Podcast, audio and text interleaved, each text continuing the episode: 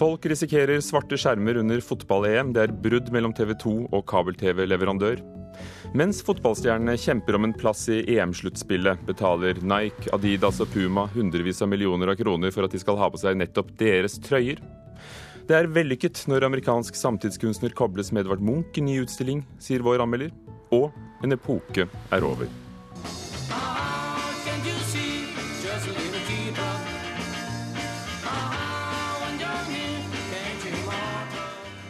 Vi minnes en av Norges første og største popstjerner, Sverre Kjelsberg. Her i Kulturnytt i Nyhetsmorgen i NRK. Det er brudd i forhandlingene mellom TV 2 og TV-distributøren Altibox. Det betyr at over 300 000 kunder kan miste TV 2s fem TV-kanaler fra midnatt av, og dermed de EM-kampene som blir sendt der.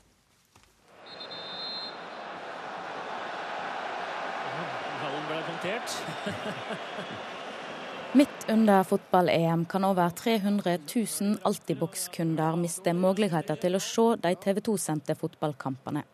I går kveld brøt TV 2 og Altibox forhandlingene om en ny distribusjonsavtale, og om det ikke blir helomvending i løpet av dagen, blir det svarte skjermer fra midnatt av, sier kommunikasjonssjef i TV 2 Jan Petter Dahl. Hvis det er slik at uh, ikke forhandlingene gjennomtas, eller, uh, og vi eventuelt skulle komme til en enhet uh, før midnatt, så vil alle Altibox sine kunder i Norge miste alle TV 2-kanalene fra midnatt, ja.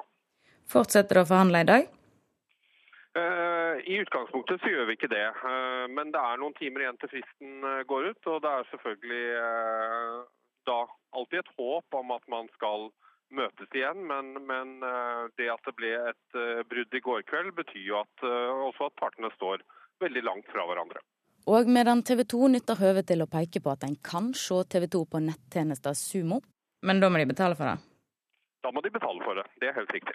Har administrerende direktør i Altibox, Nils Arne Bakke, fremdeles ikke gitt opp håpet om å få på plass en avtale i løpet av dagen? Vi har en avtale som eh, løper til midnatt i kveld, og det vil være videre forhandlinger utover dagen. Mer kan jeg ikke si nå.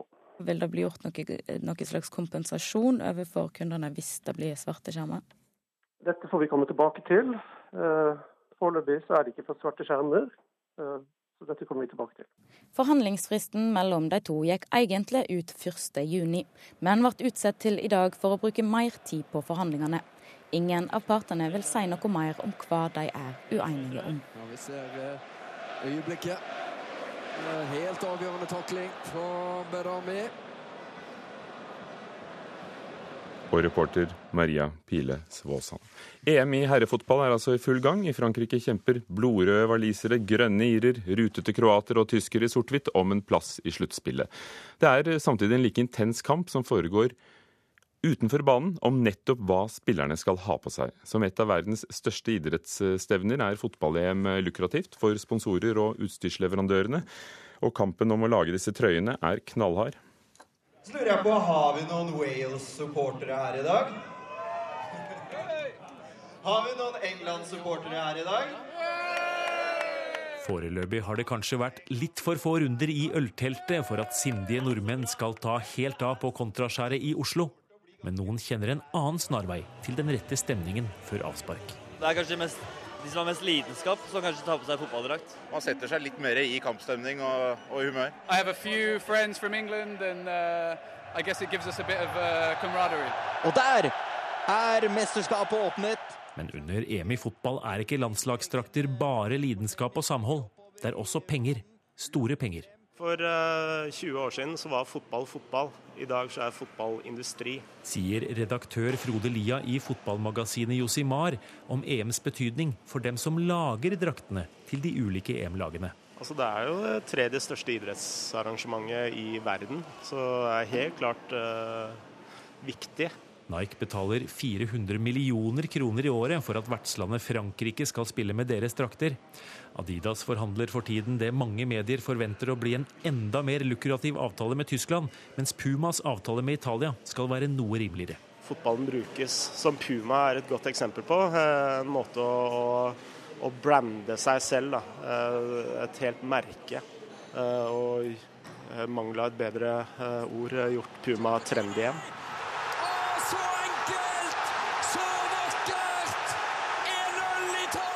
Vinnermentalitet og en solid fotballhistorie er noen av årsakene til at Puma har valgt seg Italia.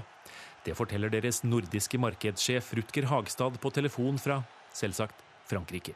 De har eh, veldig mye fashion, det er lifestyle, det er mye sport. Det er en bra miks som matcher Puma. Sammen med Nike og Adidas har Puma festet grepet om EM-draktsponsingen de seneste mesterskapene. Der fordelingen tidligere var jevnere mellom flere merker, har de nå 20 av de 24 lagene i EM mellom seg. Det er alltid en intern kamp mellom varemerkene, hvem som har flest lag, hvem som har flest spillere på planen. Eh, skulle vi stå framfor våre kunder i Norge og si at vi satser på fotball, og så har vi ingen lag i EM, eh, det skulle ikke være så troverdig. Under EM er også profiler som Ronaldo avgjørende for å markedsføre fotballsko. Når mesterskapet er slutt, er drakteavtaler med toppklubber som Real Madrid enda mer verdt enn landslagene, og der betaler i tillegg alt fra flyselskaper til ølmerker hundrevis av millioner for å få navnet sitt på trøya. Altså Sponsorinntektene tror jeg kommer til å, skyte i, i, taket de neste ti årene. Og uh, Hovedårsaken til det er TV.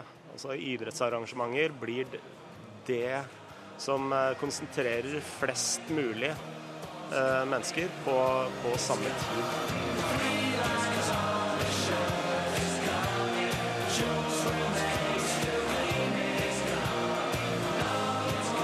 En av tidenes mest kjente fotballsanger, Englands sang. Reporter var Gjermund Jappé. Eivind Orre, god morgen.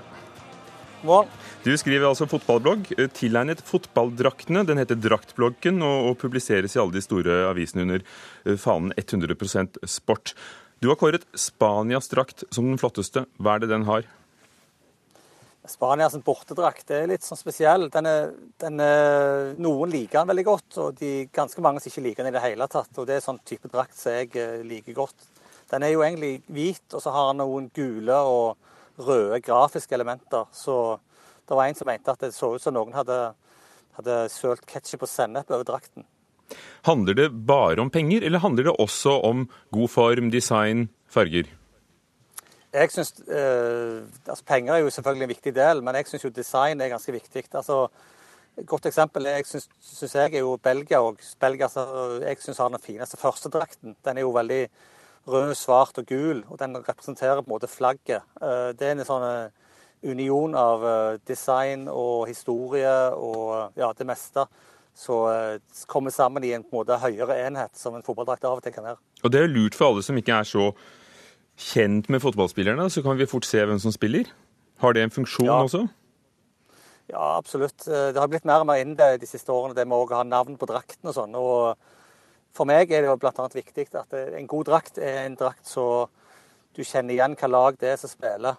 Eh, sånn som f.eks. det har vært noen tilfeller i England der lag som vanligvis har hatt striper, plutselig ikke har striper lenger. Det er noe som supporterne òg reagerer veldig på. Da, at det er helt eh, feil i forhold til det den drakten skal representere.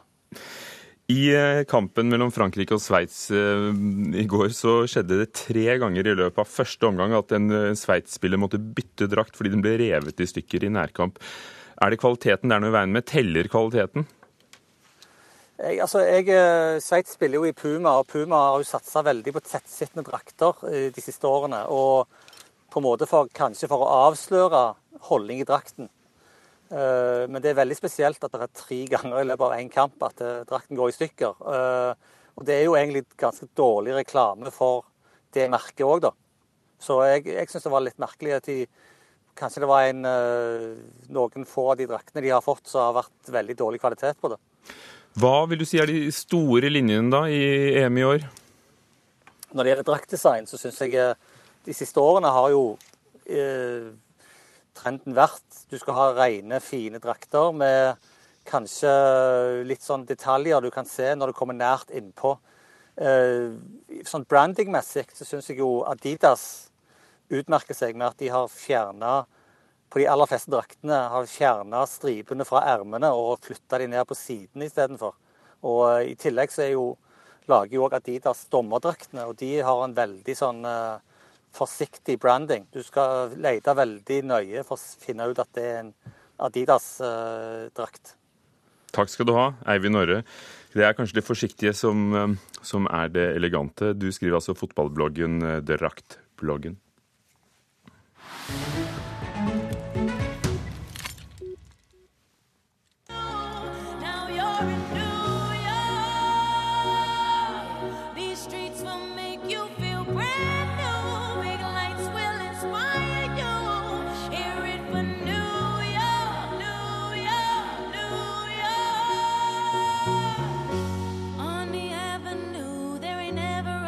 Og nettopp i New York var det at Alicia Keys, som vi hører her, eh, har eh, fått publikum til å legge mobiltelefonene sine i et spesielt Yonder-etui ved inngangen, for hun er nemlig lei av at eh, fansen filmer konserten hennes. Dette er altså et lite omslag til mobiltelefonen som gjør at den ikke virker i konsertlokalet. Alicia Keys er ikke den eneste som har begynt med dette. Også komikerne Dave Chappelle og Louis, Louis C.K. gjør det samme. Men ifølge Washington Post så var altså tilhørerne ganske misfornøyd med det hele. Og så tar vi med at skuespiller Anton Jeltsin er død. Han ble kjent i de nye Star Trek-filmene som den russiske romskipsflygeren Tsjekhov. Han døde da hans egen bil begynte å rulle i oppkjørselen hjemme hos ham selv i Los Angeles, ifølge politiet. Jeltsin ble bare 27 år gammel. Sverre Kjelsberg, sanger, gitarist, kjent fra The Pussycats, er død. Han ble 69 år gammel og var en av Norges aller første, men også aller største popstjerner. En annen som også ble kjent på 60-tallet, Rune Larsen, husker ham slik. Det var et sjokk. Pussycats var i særklasse. De var, de var popstjerner.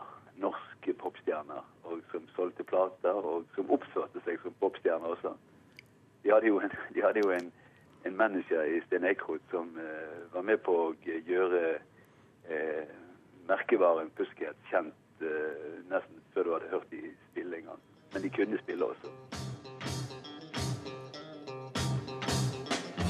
Alle say, looking at me.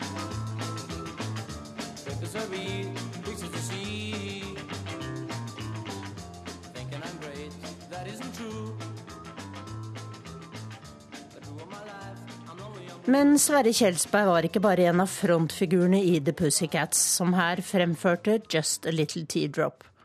Han var også visesanger og protestsanger, og i 1980 tok han Norge med storm. Sammen med Mattis Hetta vant han Grand Prix med Sami Ednan. Enkel tone, to små ord. Sami Ednan, samisk jord. Kom som vindpust ifra nord. Det var ingen artig nyhet å høre. Det var sjokk. Vi har jo jobba sammen så lenge, og det var, det var, det var ja, fin tid. For- Sverre han var en fantastisk person. Godt menneske. Jeg mener Sverre Kjelsberg er en av de største profilene vi har i Nord-Norge.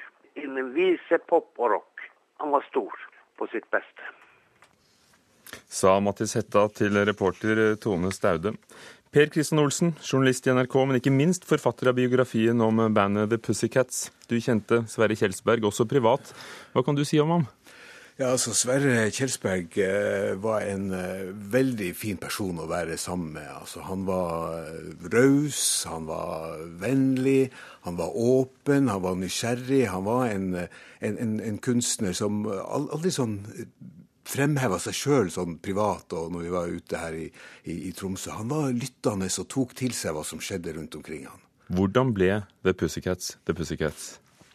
Altså, Pussycats ble jo eh, var jo kongene av norsk pop eh, i årene 1965 til 1967. Det var ingen over, ingen ved, ved, ved siden av. Og den ble til ved den unike kombinasjonen med at eh, de hadde en manager som gjorde dem til det første kommersielle popfenomenet i eh, Norge. Og han var- skydde ingen midler. han skydde ingen midler. Det var Fortell. et, det var, var et PR-apparat med groupies, det var damer, det var ville fester, det var penger, det var skandaler. Det var eh, liksom varemerket med den store toetasjes røde London-bussen. Men ikke sant, i ettertid så har jo altså Det var jo store oppslag i avisene om dette her. Men i ettertid så, så, har, jo, så har jo fenomenet levd videre. Men, men, det kan ikke leve videre på de skandalene. Det må leve videre på, på, på kvaliteten i det de gjorde. Og, og, og med, med, med, sine album og sine singler så, så oppdaterte uh, Pussycats uh, norsk pop og rock på 60-tallet og ga det et, et, et internasjonalt uttrykk som, som folk tok til seg. Og vi kan jo se i, i dag at den musikken lever jo videre. Vi har jo eh, bl.a. Eh, bandet fra Bergen, Rasika, som på sitt første album covra Pussycats eh, og lagde en versjon av Why Have We To Wait. Sånn at det kommer stadig vekk sånne meldinger om at Pussycats musikk er her, og er her så, så lenge vi har musikere i Norge. Per Kristian Olsen, jeg vet at du kunne fortalt i en time om ja, Pussycats ja, ja. og Sverre Kjelsberg. Som vi hørte i reportasjen, han var også protestsanger. Sami Ednan eh, husker alle som, eh, som var der den gangen. Hvilken rolle spilte han i kampen om Altavassdraget? Altså, mange stussa jo først når Sverre tok overgang fra popstjerne til, til, til protestsanger, og, og, lurte på hva, hva er dette her for noe. Men altså, det, var, det var noe kontinuerlig. For Sverre Kjelsberg kom fra en arbeiderklassebakgrunn i, i Tromsø og hadde i seg helt fra, fra, fra starten av begreper om, om rett og, og, og, galt, om respekt, selv, selv, selvrespekt. Og når, når, når Samekampen kom, så, så var det en helt naturlig naturlig ting for Sverre Kjelsberg å, å, å delta i dette, i dette, her. Sånn at uh, hans, hans, videre karriere, som jo også er veldig, veldig stor, som teaterkomponist og, og visesanger, den, den, den, det, går en, det, går faktisk en linje her helt fra, fra starten av. Takk skal du ha, Per Kristian Olsen. Forfatter av biografien om The Pussycats, journalist her i NRK. Sverre Kjelsberg døde i helgen, 69 år gammel. Klokken er allerede blitt ti på halv ni. Du hører på Nyhetsmorgen i NRK. Overskriftene. Overlevende etter Utøya-terroren fikk store faglige problemer, viser forskning. Skolen har lært mye om traumer de siste årene, ifølge Utdanningsdirektoratet. Regjeringen vil styrke vernet for varslere som sier fra om alvorlig overtramp på jobben. Og det har ikke vært flere mennesker på flukt i verden siden andre verdenskrig, ifølge ny FN-rapport. Kvartfestivalen i Kristiansand er historie, men i sommer skal den gjenoppstå i slutten av måneden. For én gangs skyld for å markere 25 år etter starten. Og de som skal spille, har alle vært der før. Toffen Gunnufsen, legendarisk gründer og festivalsjef. Hvilke minner kommer først til deg når du da blar opp i den nye jubileumsboken som akkurat har kommet? Det er jo eh, omfanget av arrangementer gjennom alle de åra som eh, når vi spilte Når de har satt opp de her bandene der. Så det er jo, det er jo mange band som har spilt gjennom året der. Det er jo flere hundre, egentlig. Og årets festival, er det en slags nostalgitripp? Ja, det er jo det. Det er jo for de som var på festivalen, og egentlig nye publikum er jo for en del av de her artistene. De, de spiller jo en sjanger som er oppi dagen, de. Basement Jacks og LC Sound System og andre. Det er jo elektronika. Hva sier de når du ringer? Og hvem, og hvem, ringer hva da? Når du ringer og skal booke dem inn igjen. Ja, De syns det er kjempeskøy. Arvid Skanke Knutsen, kjent uh, rockejournalist og, og, musiker. Du har skrevet denne boken om uh, Kvartfestivalen, som er uh, en svær greie, med masse bilder. Hvordan ble Kvart så stor? Kvart ble stor takket være den mannen vi hører i, i, på telefonlinjen fra Kristiansand. Han hadde en fantastisk teft til å booke artister. Og Kvart var på ballen som ingen andre, og var den første moderne eh, festivalen i Norge, kan vi si. Eh, måten de brukte omgivelsene på og gjorde festivalopplevelsen til noe litt større. Og så selvfølgelig hadde han et kjempebra team med seg, med mange folk som trakk i riktig retning. I mange år, i hvert fall. Siste gang var 2009. Gunnufsen hadde sluttet i 2006. Og så kom Hovefestivalen, som ble det neste store som Toffen også booket. Hvorfor skjedde alt dette? Hvorfor, slutt, hvorfor ble Kvart historie? Nei, Jeg var jo der i, i, 15 år, og det er jo ofte sånn med sånne festivaler at det er jo mange som vil ha et eierskap til um, sånn type arrangement når de uh, blir større. og uh, Etter stund så ble jeg jo rett og slett litt sliten, så jeg hadde vel kanskje håp om at det skulle bli bedre i den andre enden. Men det blir jo mye jobb på hodet òg, så Men en har i hvert fall fått skapt uh, bra ting, da. Arvid Skanke Knutsen, hva er din forklaring på at, eh, at Kvart ikke overlevde? Nei, Det hadde nok med at uh, tidsånden gikk videre, og tiden gikk videre, som den gjør for oss alle. Og øh, det ble samtidig utrolig mye festivaler rundt om i Norge. Mer enn 1000 festivaler. Uh, de fleste innafor kultursegmentet, og de fleste av dem igjen innafor uh, musikksegmentet. Nå, Toffen Gunnufsen, driver du Skrallfestivalen, og så har du hatt HV, og så var det Kvart. Hvordan har det forandret seg? Ja, det er jo, I Norge på den tida når vi starta Kvartfestivalen, så var det jo bare eh, kanskje tre-fire festivaler. Og det var jo egentlig mest innenfor jazz, da. Notodden og Ikke Notodden, men eh, Molde og, og eh, Kongsberg. Og så starta jo Norwegian Wood samtidig med oss og Notodden. Og, Og så var det Kalvøya. og så var det Kalvøya. Ja, ja, selvfølgelig. Og Kalvøya skal vi ikke glemme, fordi Kalvøya hadde mange fantastiske band, men det var jo mer en festival kan du si, med én til to scener og én til to dager. Um, Men så etter hvert har det økt noe voldsomt med festivaler. Sånn sett så eh, må jeg jo si at Kvarten kanskje viste at det gikk an å lage en internasjonal festival eh, på et annet sted enn Oslo. Arvid, hvordan, hvordan fikk han så store navn til lille Kristiansand? Jeg tror det var en blanding av eh, naivitet og frekkhet, altså. Eh, av og til så gikk man eh, kanskje litt sånn uortodokse kanaler, og så var de kjempeflinke til å gi artistene artisten som kom på besøk, eh, opplevelser de ikke fikk noen andre steder i verden. De ble tatt med ut i skjærgården, de fikk leie hytter på Sørlandet. De ble i det hele tatt behandla veldig bra, og det var det mange som satte pris på og snakket om. Og det har vi mange vitnesbyrd om i boka som vi har skrevet om altså. Er denne boken en, en ren hyllest? Fordi jeg husker oppslag om økonomiske problemer, særlig Ja, vi har med eh, mye om de økonomiske problemene og, og om uh, ting som ikke så gikk så bra, men først og fremst er det en sånn hyllest det til pågangsmotet og til det eh, man fikk til i en nokså søvnig sørlandsby i forbindelse med 350-årsjubileet fra 1999 og framover. Dere begynte Toffen Gunnufsen, i, i kommunal regi. Hadde du noen gang sett for deg eh, de første årene at det skulle vokse som det gjorde?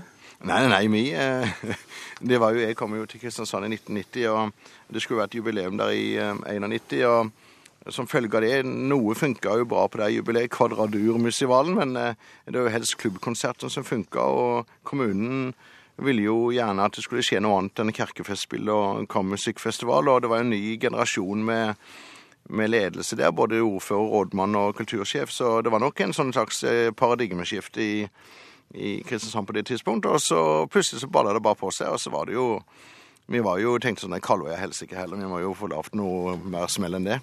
det tenkte vi.